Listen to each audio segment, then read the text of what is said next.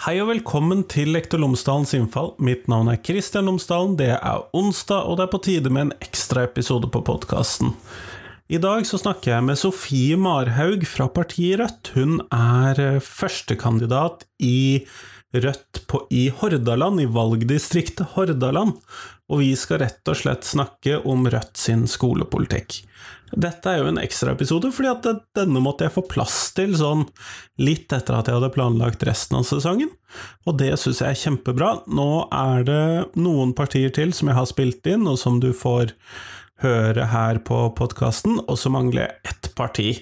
Så jeg håper å få med Fremskrittspartiet før valget kommer. Men selv om jeg ikke får med Fremskrittspartiet, så er jeg oppe i alle unntatt ett parti av de største partiene. Så tror jeg at jeg har fått med meg de fleste av de nye nasjonale partiene. Men jeg snakker med Sofie Marhaug om hva Rødt ønsker for norsk skole. Hva er det de vil ha i, ut av skolen, inn i skolen? Hva vil de prioritere med skolen for at det skal bli en best mulig skole, slik de ser det, hvis de får påvirke de neste fire årene? Så det får du her, i denne episoden. Ellers, podkasten min er jo som alltid sponset av Cappelen Dam Utdanning, og hvis du går inn på tverrfaglig.cdu.no, så finner du alle de ressursene, oppleggene, oppgavene osv. som Cappelen Dam Utdanning har laget i forbindelse med fagfornyelsen i videregående skole. Alle tverrfaglige temaer, det finner du der. Gode ressurser for hvordan legge opp den tverrfaglige undervisningen. Så gå inn og sjekk ut tverrfaglig.cdu.no. Det er mulig at du allerede har tilgang pga. fylkeskommunen eller arbeidsgiveren din har kjøpt tilgang, men du kan også prøve en sånn prøveperiode. Men i hvert fall, nå kommer intervjuet med Sofie, vær så god!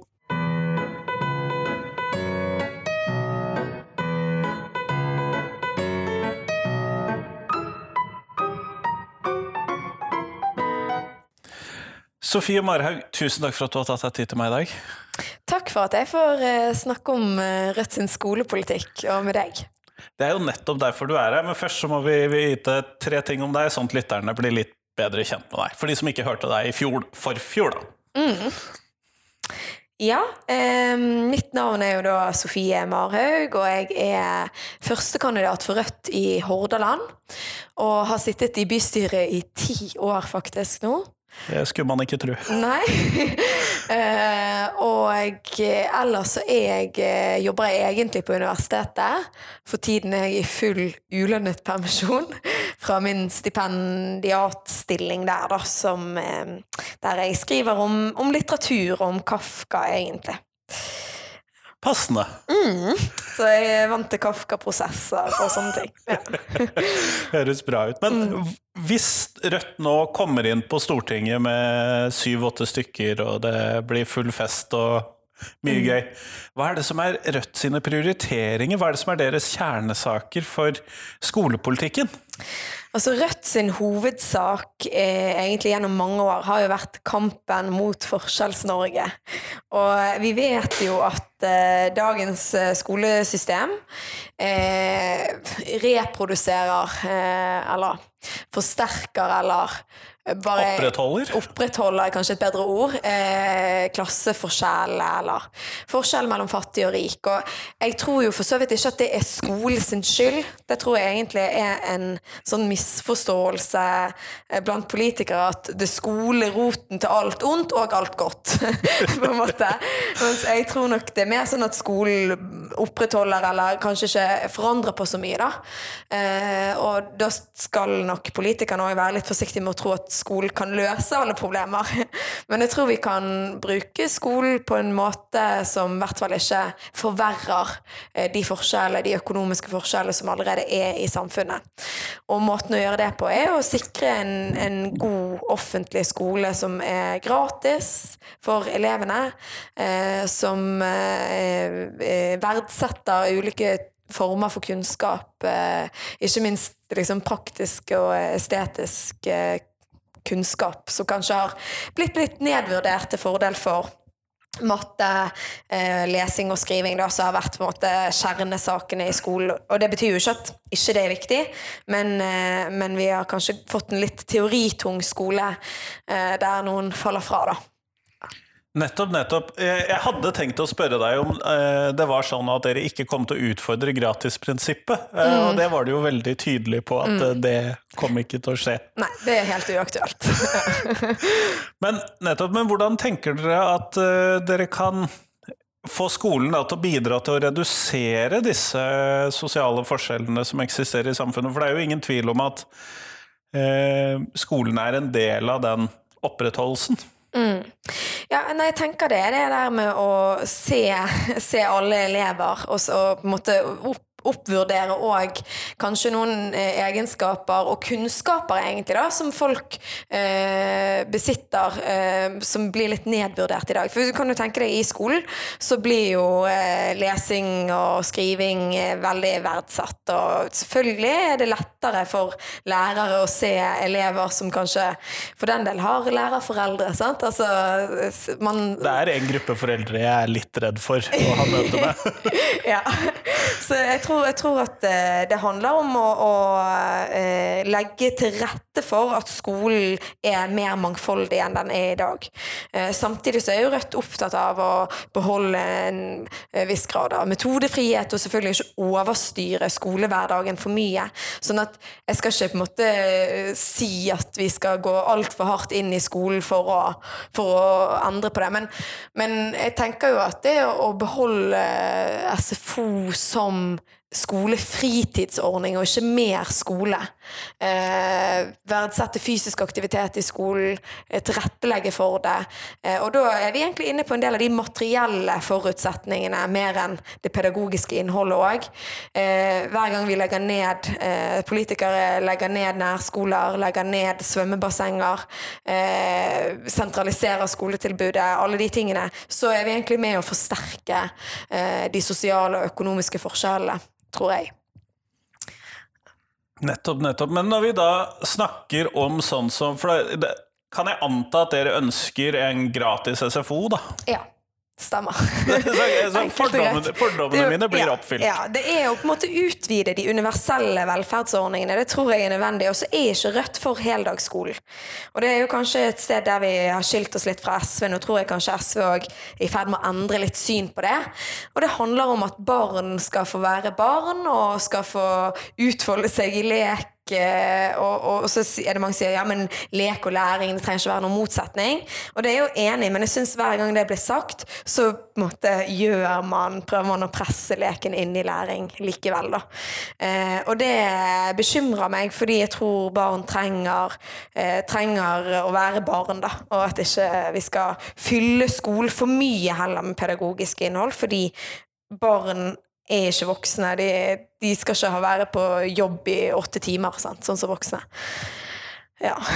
Nettopp, nettopp. Men hvis vi da går litt grann opp på videregående Ja. Det har jo vært ganske mye som har lagd uro i norsk skole det siste halve året. Og en av de tingene Mm. Ja. var fullføringsreformen. ja. Og da lurer jeg på hvilke tanker har du og Rødt gjort dere knyttet til denne? Nei, altså jeg tenker jo at på en måte så eh, er jo det Altså denne ideen om at alle skal fullføre videregående skole, er kanskje litt feilslått. Jeg vet ikke om du har kanskje Du har sikkert snakket med han eh, eh, sosiologen Vogt. Ja, Kristoffer Vogt, ja. Han har jo forsket en del på det, og viser jo det at det å fullføre videregående skole ikke nødvendigvis er det eneste som eh, gir deg suksess i livet, da. At, eh, Ja, nettopp fordi at Når du da sier at det er ikke gitt at alle skal fullføre videregående, så mener du det er ikke gitt at alle skal gå der? ja. Nettopp. Ja, ja, ja det, hvis, du først har måttet Jeg ønsker jo at de som eh, har lyst til og vil, og, vil det skal være gratis med videregående skole òg, eh, at gratisprinsippet skal gjelde når vi først eh, tilbyr det og ønsker at mange skal gå der. Da. Men det er ikke gitt at alle skal gå på videregående, rett og slett? Nei, jeg, jeg tenker at det må være det er flere veier inn i arbeidslivet, og at vi må tilrettelegge f.eks. Uh, for at vi kunne hatt altså, åpne litt opp, da. Kunne hatt eh, Vi Rødt har i programmet vårt at vi skal ha et type omvendt påbygg. At du kan ta yrkesfag som påbygg hvis det viser seg da at studiespesialiserende ikke var for deg. Og så tror jeg vi òg har fått en sånn innretting av eh, skole... av, av eh, midlene i sk- eh, skolemiddelet, eh, der det lønner seg med studiespesialiserende. Det er billig. Eh, Ja, de, du kan klemme mange Ja. elever inn i et klasserom. Nettopp. Og da presser man eh, elever inn i en eh, utdanningsretning som kanskje ikke er for de. Kanskje de skulle gått yrkesfag, selv om det er litt dyrere. Eh, eller kanskje de skulle begynt rett i jobb, for den del, altså. Eh, sånn at vi har, det har blitt veldig strømlinjeformet på en måte som jeg tror er bortkastet faktisk for mange. Og at en del av det frafallet vi ser, er en direkte følge av det. Folk som, ikke, folk som er lei av skolen og vil ut i arbeidslivet, og så slutter de da eh, i, i studiespesialiserende utdanning for å begynne å jobbe. Og det er jo ingen tragedie det hvis de får seg jobb. Men det som er en tragedie, er hvis de faller mellom to stoler, eh, eller barken og veden, eller alle disse metaforene man kan bruke, eh, og verken fullfører videregående eller får seg jobb. Ja, for det er da det blir et problem, både for de det gjelder, og for samfunnet. Ja, ja, tenker jeg egentlig. Eh, mens noe av det som skjer i dag, er verken et problem for eh, samfunnet, kanskje litt et problem for de det gjelder, på den måten at vi får hele tiden høre at eh, det er en stor synd å, å falle ut av skolesystemet, og at det er mindre verdt, osv. I hvert fall sånn i, i, visse, i visse deler av samfunnet. Kan være at det er vanligere å høre på universitetet enn enn eh, faktisk hvis du jobber i fiskeindustrien. Det var jo nettopp en sak nå, jeg vet ikke om du leser den, med en som hadde falt ut av ungdomsskolen, eh, men som var veldig god til å fiske, og hadde lyst til å bli fisker. Og da tenker jeg sånn, er ikke det helt i orden? Det òg, nesten, da. Selv om jeg mener at vi selvfølgelig trenger et minimum av felles, fellesskap og felles forståelse. Jo, og, og der er det jo en av disse spørsmålene som ble reist, og som jeg tror var viktig at ble reist med fullføringsreformen, fordi at man da stiller spørsmålstegn med hva er dette felles som alle trenger å ha i bånn?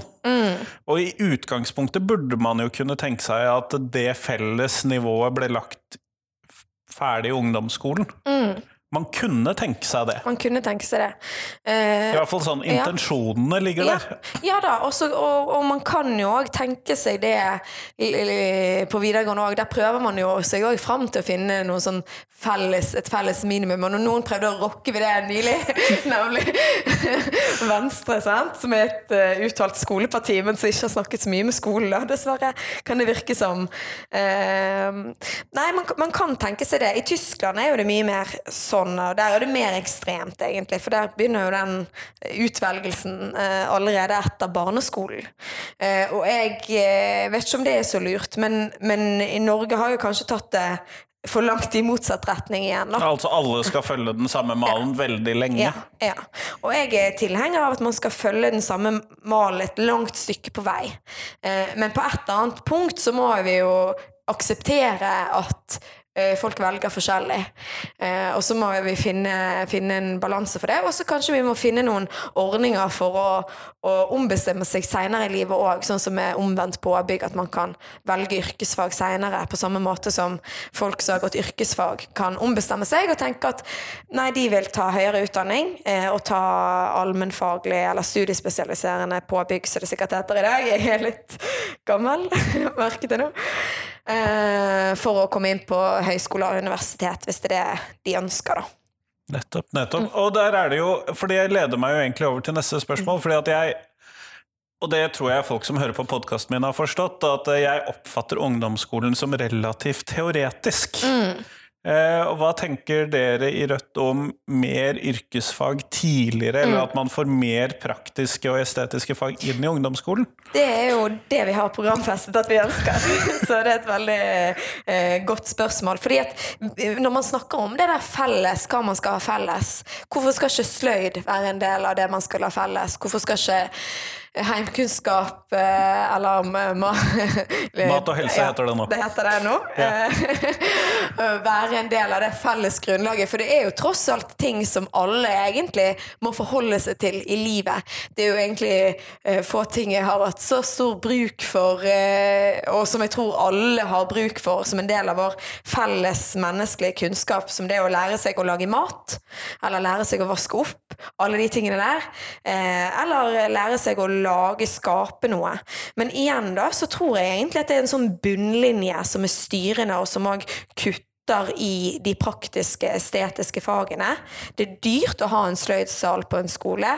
Det er dyrt å, å kjøpe inn mat til å Eh, mat til eh, mat og helse. Ja, de har jo små klasser i de, alle ja. disse fagene også. Ja, ja, det er små klasser. Eh, det er krevende for hver enkelt skole å eh, prioritere det i budsjettene sine, der de òg må sikkert prioritere en del vikarer og, og ja, eh, alt som skal gå opp i, i de der driftsbudsjettene. Eh, så det bekymrer meg. Og så blir det på en måte ofte digital digital undervisning sett på som praktisk undervisning, og det stemmer jo til en viss grad, men det stemmer jo ikke fullstendig. Eh, og det forsvinner Det kan være det, men det må ja, ikke. Det må, ja, nettopp. sant? Og, og, jeg er redd for at noen av de praktiske grunnkunnskapene forsvinner. Eh, noe av det digitaliseres, men noe av det er faktisk veldig greit å kunne, òg fordi jeg tror det gir skaperglede og sånn. Jeg, nå likte jo, altså jeg er en person som likte alle disse fagene veldig godt, da. Selv om jeg òg likte teoretiske fag, så likte jeg veldig godt sløyd og sånn. Altså, ja, det er kanskje litt farget av det, men det er òg i Rødt sitt program at vi men, og her er det jo da en Dette leder jo over på en ganske mange andre spørsmål, fordi at vi har jo da Eh, jeg tror, min opplevelse er at mange skoler opplever at de har relativt trang økonomi, og da lurer mm. jeg litt på hva er det dere hvordan skal dere løse det, da? Altså, det er jo noe så utrolig kjedelig som kommuneøkonomi. det liksom, jeg har tenkt sånn, ja, Hvis jeg kommer inn på Stortinget, jeg håper på én måte at jeg kan komme inn i det, uh, den uh, komiteen som jobber med sånn kommunalpolitikk. Som høres dritkjedelig ut, men som er kanskje noe av det aller viktigste i kampen mot Det er jo der folk bor. Ja, det er noe av det aller viktigste i kampen mot Forskjells-Norge. Det er å sikre en god kommuneøkonomi som sikrer uh, rammer som gjør at man kan bruke, finansiere barnehage barnehagene, skolene våre i kommunene. Det er liksom Det er jo navet i velferdsstaten, egentlig. Eh, og gjør det mulig å, å prioritere eh, alle de eh, tingene man trenger for å få drift, driften til å gå rundt, egentlig. Så det er jo Det høres jo veldig traust ut, men eh, det er jo sant, på en måte. Ja, det er veldig vanskelig å se bort ifra. Mm. At mye av dette går på økonomi. Da, men kunne det da være aktuelt å sette krav til kommunene at de skal bruke disse pengene på skole. sånn at mm. Det fremstår iallfall av og til for oss som sitter på bånn, at uh, pengene forsvinner et eller annet sted før skolen. Ja, altså noen, noen, midler må jo øremerkes, og hver gang det er snakk om sånn bemanningsnormer og sånn, så er jo det snakk om å øremerke midler til det, at du ikke kan komme utenom det. Men Rødt ønsker jo både å bruke penger på, nå, på eh, bemanningsnorm og den type ting, men òg øke de frie inntektene til kommunene. Eh, fordi det handler jo òg om lokal, eh, lokal fri, handlefrihet, og, og, at kommuner òg er forskjellige, selvfølgelig. Men eh, ja takk, begge deler, da. Men nå eh, har jo vi en skattepolitikk eh, som kanskje ikke er helt lik til f.eks. Arbeiderpartiet sin skattepolitikk. Eh, som gjør Nei, jeg antar at dere vil ta inn litt ekstra. Ja, det er akkurat det. Så det er jo en sammenheng i Rødt sin politikk, kan du si, på det punktet punktet. Mm. Eh, og da har jeg litt lyst til å gå videre, fordi at eh, en av de andre store sånne trøbbelområdene denne mm. våren, det var eh, lærerstreiken. Mm. Eh, og så har det jo da dukket opp spørsmål om rekruttering av lærere ja. og læreres status. Mm. Eh, og da lurer jeg litt på hvilke tanker har dere gjort dere etter denne våren vi har vært i nå, da? Nei, altså, det har jo Det begynte jo egentlig før Altså, det begynte egentlig for et år siden med at frontfagsmodell frontfagsmodellen egentlig ikke har fungert helt eh, etter eh, hensikten, da. Og noen fag har blitt hengende, eller noen yrker, yrkesgrupper, har blitt hengende for langt etter i lønnsoppgjørene flere år på rad. Og det eh, svekker jo rekrutteringen eh, til eh, en del helt nødvendige, livsviktige viktige yrker. Eh, sånn som barnehagelærere, sånn som eh, lærere, eh, sykepleiere og en del av de yrkene som vi òg har sett er veldig viktige og kritiske under en pandemi, kan du si. Og det lønnsetterslepet og det gapet der, det skal vi jo ikke akseptere. Og der mener jeg òg at både liksom de politiske partiene og fag, altså fagbevegelsen må, må utfordres. Og det jo klart at det er et partssamarbeid, og, og, vi kan ikke gå inn og styre det direkte. Men det vi kan gjøre eh, gjennom KS, eh, der eh, de forskjellige kommunestyrene og sånn er representert, er jo å pushe på da, og komme med og, og legge et politisk press òg eh, for at ikke det skal bli et eh, stort etterslep i barnehager og skoler og sykehjem og ja, hele offentlig sektor, da. Ja, og der, for du, Som kommunepolitiker for Rødt, så har mm. jo du en viss innflytelse, mm. men dere er jo ikke akkurat det største partiet i KS. Neida. Det er ikke sånn at vi har eh, noen representanter eh, i KS eh, direkte fra altså det, Jeg tror det er Høyre og Arbeiderpartiet som har en representant hver i Bergen kommune. Men vi tar, har jo tatt det opp, og vi har tatt det opp eh, i bystyret, og hva kan Bergen kommune gjøre, og sånn. Og så har vi vært eh, på streikemarkeringer og vist støtte og, og, prøvd å bruke den stemmen så godt som vi kan. Og vi har jo tillitsvalgte som òg er medlem i Rødt. Og, og, som jobber på, på, den måten. Men jeg tror politisk så er det et veldig godt poeng det, med at veldig mange politiske partier sier at de eh, ønsker å, å, heve statusen for lærerne. Og høyresiden typisk sier jo at det karakterkravet i matematikk er et forsøk på det. Men det er litt sånn jeg skal innrømme at jeg er litt tvilende til at det funker etter intensjonen. i hvert fall. Ja, ja, jeg, er veldig, jeg, er faktisk veldig imot det, men, men det liksom, der kan de si sånn at det handler om å heve statusen. Men det som faktisk ville hevet statusen for læreryrket, er jo at lønnen er høy eller høy nok. Eh, det er ikke sånn at jeg syns at lærere tjener så utrolig dårlig, men når prisene stiger og man taper i lønnsoppgjør etter lønnsoppgjør, så må man på et eller annet tidspunkt eh, sette hardt mot hardt. Og det er det man har prøvd å gjøre litt nå. Og jeg tror, man skal, jeg tror arbeidsgiverne skal belage seg på at det skal man gjøre igjen. For det går ikke an å akseptere å bli hengende etter. Det er heller ikke Det er ingen solidaritet i det heller. Eh, man kan akseptere et lønnsoppgjør her og der, der man kanskje stiller andre krav. Det er andre, andre krav som er viktigere, eh, men hvis man blir hengende etter i denne lønnskarusellen hver eneste gang, så går det ikke. Eh, det er uakseptabelt. Og det er ikke noe egoistisk fra lærernes side. Det handler om hvordan vi som samfunn skal fungere, og, og ikke akseptere at ulikhetene blir for store. Nettopp. Så for, for, deres del så vil det være det å nettopp gi lærerne Eller mm. legge til rette for at mm. lærerne får høyere lønn, da, som er ja. med på det. Ja, ja. Eh, det, og det handler jo òg faktisk om eh, like, reell likestilling og feminisme. Det er jo klart at noen av de her eh, yrkene er veldig kvinnedominerte. Eh, sånn at når vi snakker om likelønn, når vi snakker om at selv om man blir mer likestilt på mange områder, så er det fortsatt en del å gå på når det kommer til lønn lønn og formue, så er det nettopp fordi kvinnedominerte yrker gang på gang blir Som sykepleier, barnehagelærer ja. og barneskolelærer, blant annet? Ja. ja. Og selvfølgelig òg en del andre yrker, òg, i restaurant og matfag og sånn. Ja, enda, altså enda lenger nede, faktisk, på den lønnsstigen som har hatt reallønnsnedgang, faktisk. Eh, og det er egentlig ganske oppsiktsvekkende at vi i denne regjeringsperioden med Erna Solberg har hatt eh, en utvikling der de 30 dårligst betalte yrkene eh, ikke bare har stått stille, men noen av de har til og med opplevd en reallønnsnedgang. Sånn at prisene har steget mer enn lønningene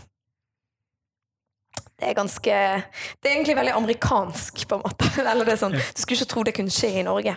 Nei, eh, man har jo hørt lenge om at den amerikanske middelklassen ikke har tjent noe mer penger siden 70-tallet mm. eller der omkring, men det er jo litt annerledes å høre at det også skjer i Norge. Ja, det gjør det. Og, og forskerne i SSB òg sier at ulikheten i Norge den er egentlig på nivå med USA. Og det er nesten så folk ikke tror på det. Uh, og det henger nok også litt sammen med at noen er veldig, veldig rike uh, og gjemmer formuene sine og, og, deltar ikke i den offentlige debatten i noe særlig grad heller. Sånn at de lever sine parallellsamfunn, da, uh, egentlig. Og så ser vi ikke snurten til det, og så tror vi at Norge er egalitært og fint. Mm. En annen gruppe som man ofte snakker om at man skal løfte statusen til, er jo yrkesfagene. Og ja. du har jo trukket inn litt sånn f.eks. dette med omvendt påbygg. Men mm. hvordan skal vi heve statusen generelt i yrkesfagene? Og særlig blant sånne som eh, vel deg og meg, sånne akademikere, så er det jo mm. særlig der man finner tvil. Forakten. Ja, ja, ja. Ja, eh, nei, det er jo kanskje å utvide det litt som vi snakket om, det praktiske i grunnutdanningen og, og i grunnskolen, og, og, legge til rette for en oppvurdering allerede der. Eh, og så tror jeg òg at fylke, her kommer fylkespolitikerne inn, da, at de er nødt til å satse på eh, yrkesfaglig utdanning. Eh, F.eks. akkurat nå i Hordaland så eh, er det behov for å satse på havbruk. Fordi at det kommer til å komme mer av det i framtiden.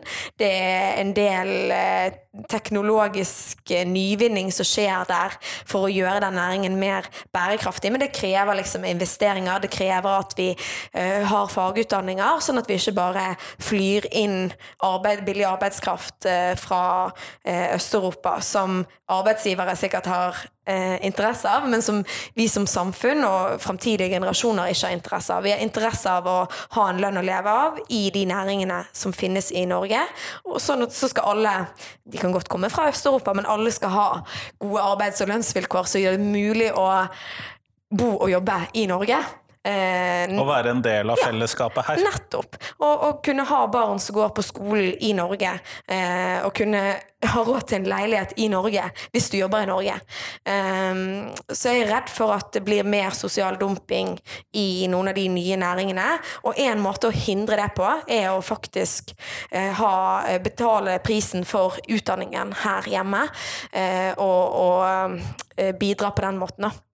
Så det jo, krever jo at man ikke bare bruker penger på studiespesialiserende linjer, men opprettholder eh, kanskje litt mindre yrkesfaglige linjer, som kan se litt sånn dyre ut på kort sikt, men som på lang sikt, og vi som samfunn, trenger. Eh, sånn at vi, ja, fylkespolitikerne må ta det samfunnsansvaret. Og så er jo de presset i sin tur igjen gjennom stramme budsjetter og sånn, så det, jeg, jeg, har all mulig sympati eh, med de, men eh, Men det handler jo om den grunnfinansieringen igjen. Nettopp. Og det henger jo sammen med staten igjen. Da. Så eh, vi trenger òg nasjonale politikere som tar tak i det her, da. Mm. Sofie, en av de podkastepisodene som jeg nylig gjennomførte, og som uh, nylig ble publisert, der tok de opp behovet for andre yrkesgrupper i skolen, sånn som miljøterapeuter, vernepleiere og den type ting. Eh, hva, er, uh, hva tenker dere i Rødt om det? Ja, vi ønsker jo òg å ha eh, flere yrkesgrupper i skolen. Eh, og det er jo òg et ønske fra mange elever, tror jeg òg, med sant, skolepsykolog f.eks. Og, og eh, miljøterapeuter. At eh, hvis man skal eh, se eh, alle elevene, så trenger man kanskje litt andre former for kunnskap og kompetanse i skolen. Og så har jo det òg vært en diskusjon eh, mellom fagfolk, er mitt inntrykk, eh, i hvor stor grad eh, spesialundervisning og spesialpedagogikk skal være en del av fellesskolen, eller om det skal, måtte, man skal ta ut elever. Eh, og eh, der har pendel svingt litt sånn historisk, da. Og jeg eh, tenker at jeg skal lytte til hva de som har peiling på det, sier, da. Men nå for tiden så er de litt innstilt på å prøve å være mest mulig til stede i den vanlige undervisningen og være en del av fellesskolen. For de som klarer det? Ja. ja. Og det krever jo automatisk at eh, en del spesialpedagoger og sånn er en del av skolen og ansettes i skolen. Eh, men det er klart at det vil jo alltid være noen som heller ikke eh, kan være en del være i fellesskolen hele tiden, da. Ja. Men, og dette her, vi ender jo veldig fort opp på kommuneøkonomien. Ja, ja. Eller Mitt favorittema som, som lokalpolitiker. Ja. Eh, Og det er jo rett og slett fordi at eh, dette med å ha nok av disse ressursene, det handler jo gjennom økonomi. For mange steder så må man jo selv om skolen har krav på seg til å gi tilrettelagt og tilpasset opplæring for alle, uavhengig av om de har diagnoser eller ikke, så må man jo veldig ofte fort ha en diagnose for at rektor skal kunne sette av de ekstra ressursene. Ja. Det blir jo veldig fort økonomi, bare. Ja, og det er egentlig litt synd, fordi at det å, å bli diagnostisert, det kan være en byrde som Altså, det kan utløse rettigheter, sånn som du sier, og, og jeg er ikke imot det, men, men eh, noen ganger er jo det best å bare få litt ekstra hjelp, bli litt ekstra sett, og kanskje man òg til og med blir kvitt det som før kunne blitt eh, diagnostisert, da. Eh, og så er det en grense der, men eh, det gir jo litt Det levner liten tillit til skole og til lærerne og til de som er nærmest barna, sånn som Sånn som det er i dag. Og en, et annet problem som jeg har opplevd som lokalpolitiker da, Jeg satt jo i det um, komité for oppvekst og så komité for barnehage, skole og idrett i åtte år det er at eh, man driver og har sånne tall, KOSTRA-tall eller ja, diverse tall, der man driver og sammenligner skolebudsjettene eller barnehagebudsjettene eller spesialpedagogikkbudsjettene mellom ulike kommuner og mellom storkommuner. Og der det hele tiden er sånn Se, eh, Bergen kommune bruker veldig mye penger på dette og dette, vi kan bruke mindre. Så det blir et sånn kappløp mot bunnen.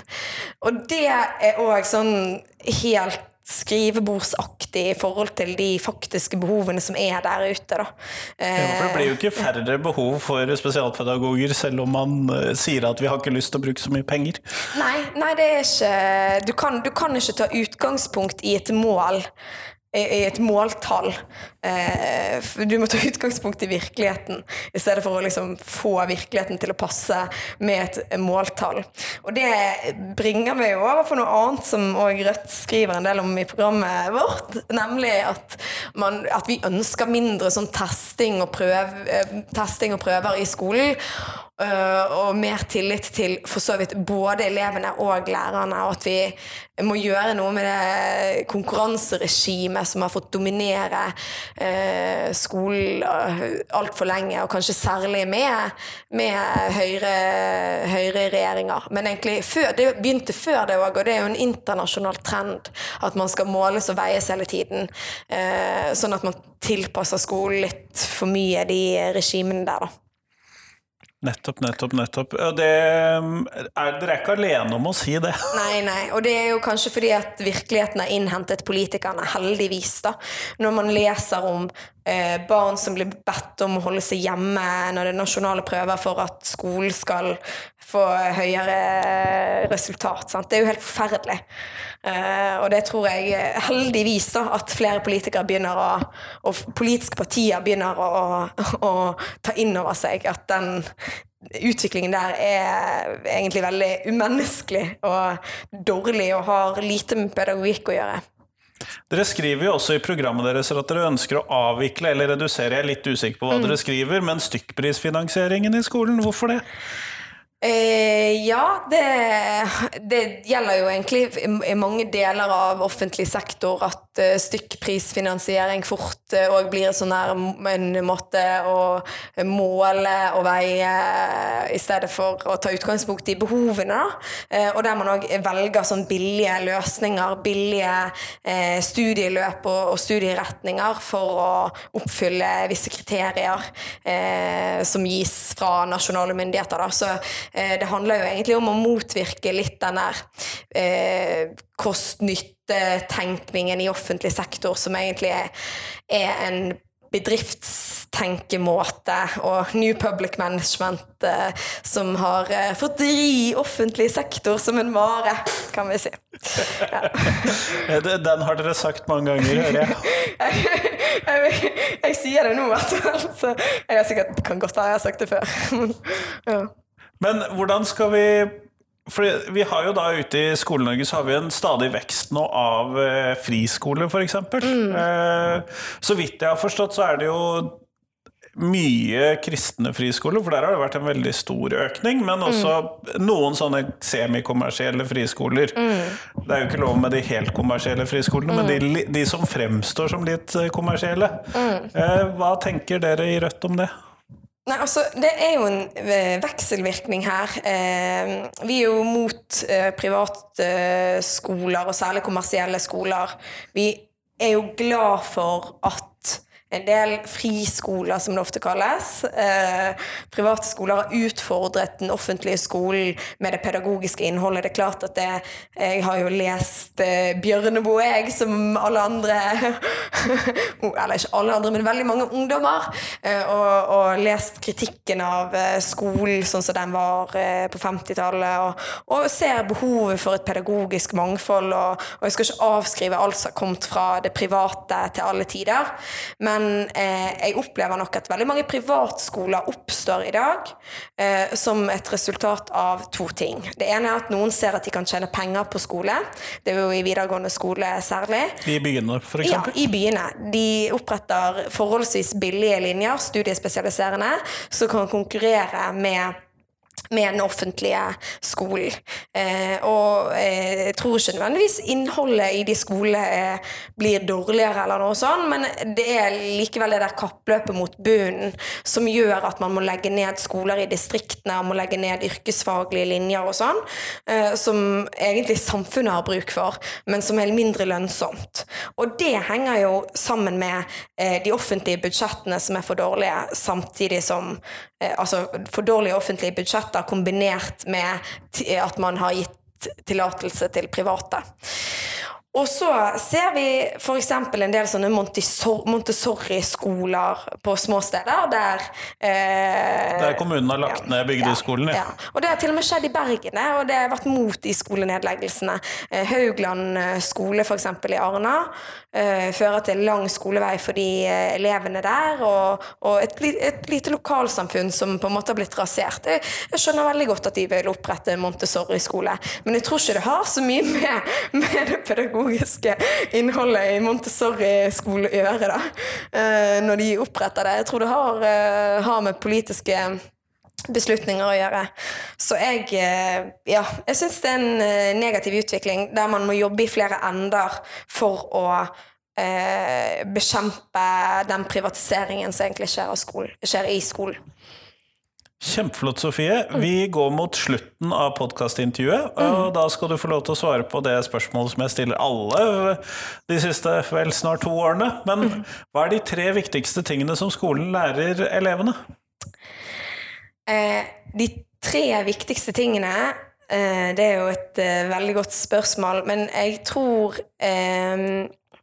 Hvis jeg kan dele det opp, da, så tror jeg at noe av det viktigste er fortsatt Og nå kan kanskje høres jeg litt ut som en sånn Høyre-politiker, men det er fortsatt veldig viktig med de eh, helt sånn grunnleggende lese-, skrive- og regnekunnskapene. Eh, jeg er ikke jeg er ikke mot de.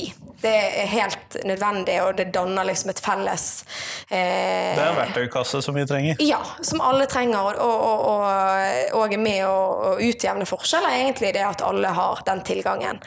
Eh, så tror jeg det andre viktige skolen lærer eh, elevene, er eh, forskjellige, at- vi er forskjellige, og at vi eh, må lære oss å leve sammen likevel. Da. Og det er jo det som er fint med fellesskolen. Jeg er utrolig takknemlig for at jeg sjøl har gått på sant, Landers og Gimle eh, barne- og ungdomsskole, der det var eh, elever fra eh, både liksom de aller rikeste, den aller rikeste levekårssonen i eh, i Bergen, og den, eh, den levekårssonen med høyest barnefattigdom, altså på samme skole.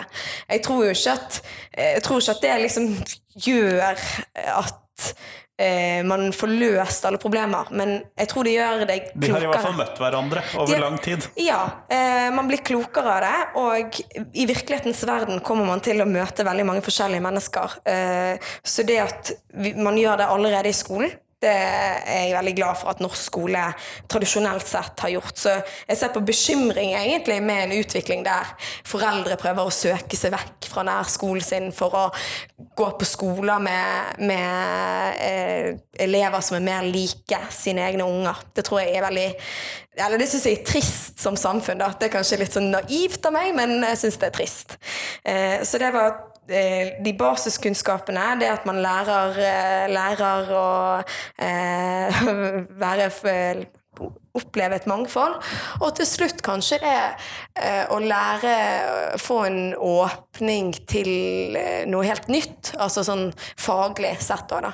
At man i skolen eh, ofte kan møte en lærer eller for så vidt en annen elev som åpner, eh, åpner, deg opp for noe helt nytt. Eh, at du oppdager et fagfelt, enten du oppdager at historie er kjempespennende, sant? eller at du oppdager eh, en bok, eh, en, eh, en, forfatter eller en, noe sånt som, som, du ikke ville lært hjemme, eller som ikke noen andre ville introdusert deg for. Altså den nysgjerrigheten og perspektivutvidelsen som, som mange kan møte gjennom en, en god lærer. Og det er òg en måte jeg tror eh, man kan føle seg sett på, da. Så det er tre, tre kanskje litt mer enn tre, men tre viktige ting i skolen. Kjempeflott. Tusen takk for at du tok deg tid til meg i dag. Takk for at jeg fikk komme.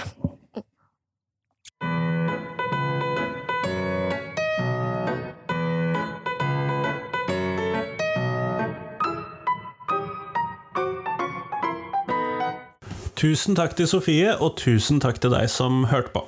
Nå er det fram til fredag, så kommer det en hva skal vi kalle det, ordinær episode. Det blir enda en valgepisode, for da skal jeg snakke med Edvard Botteli Udnes. Han er nå blitt leder i Elevorganisasjonen. Han er ikke lenger påtroppende leder i Elevorganisasjonen. Og vi snakker om hva Elevorganisasjonen forventer til skolepolitikken de neste fire årene. Hvilke forventninger har de der? Sånn at eh, litt elevperspektiv i valgsendingene på Lektor Lomsdalens innfall, altså der. Ellers, send meg gjerne tips, jeg vil vite hva du vil høre mer av dette halvåret som kommer.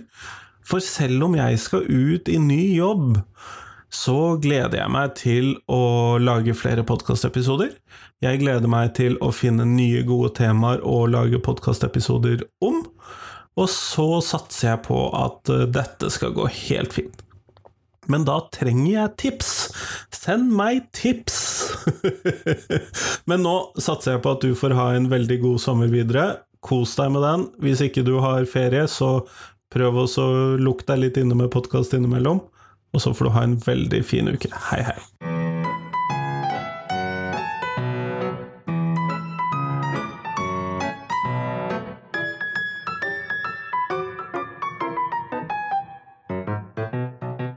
Jeg trenger tips ikke bare om mennesker jeg skal intervjue, men også om temaene jeg skal intervjue folk om.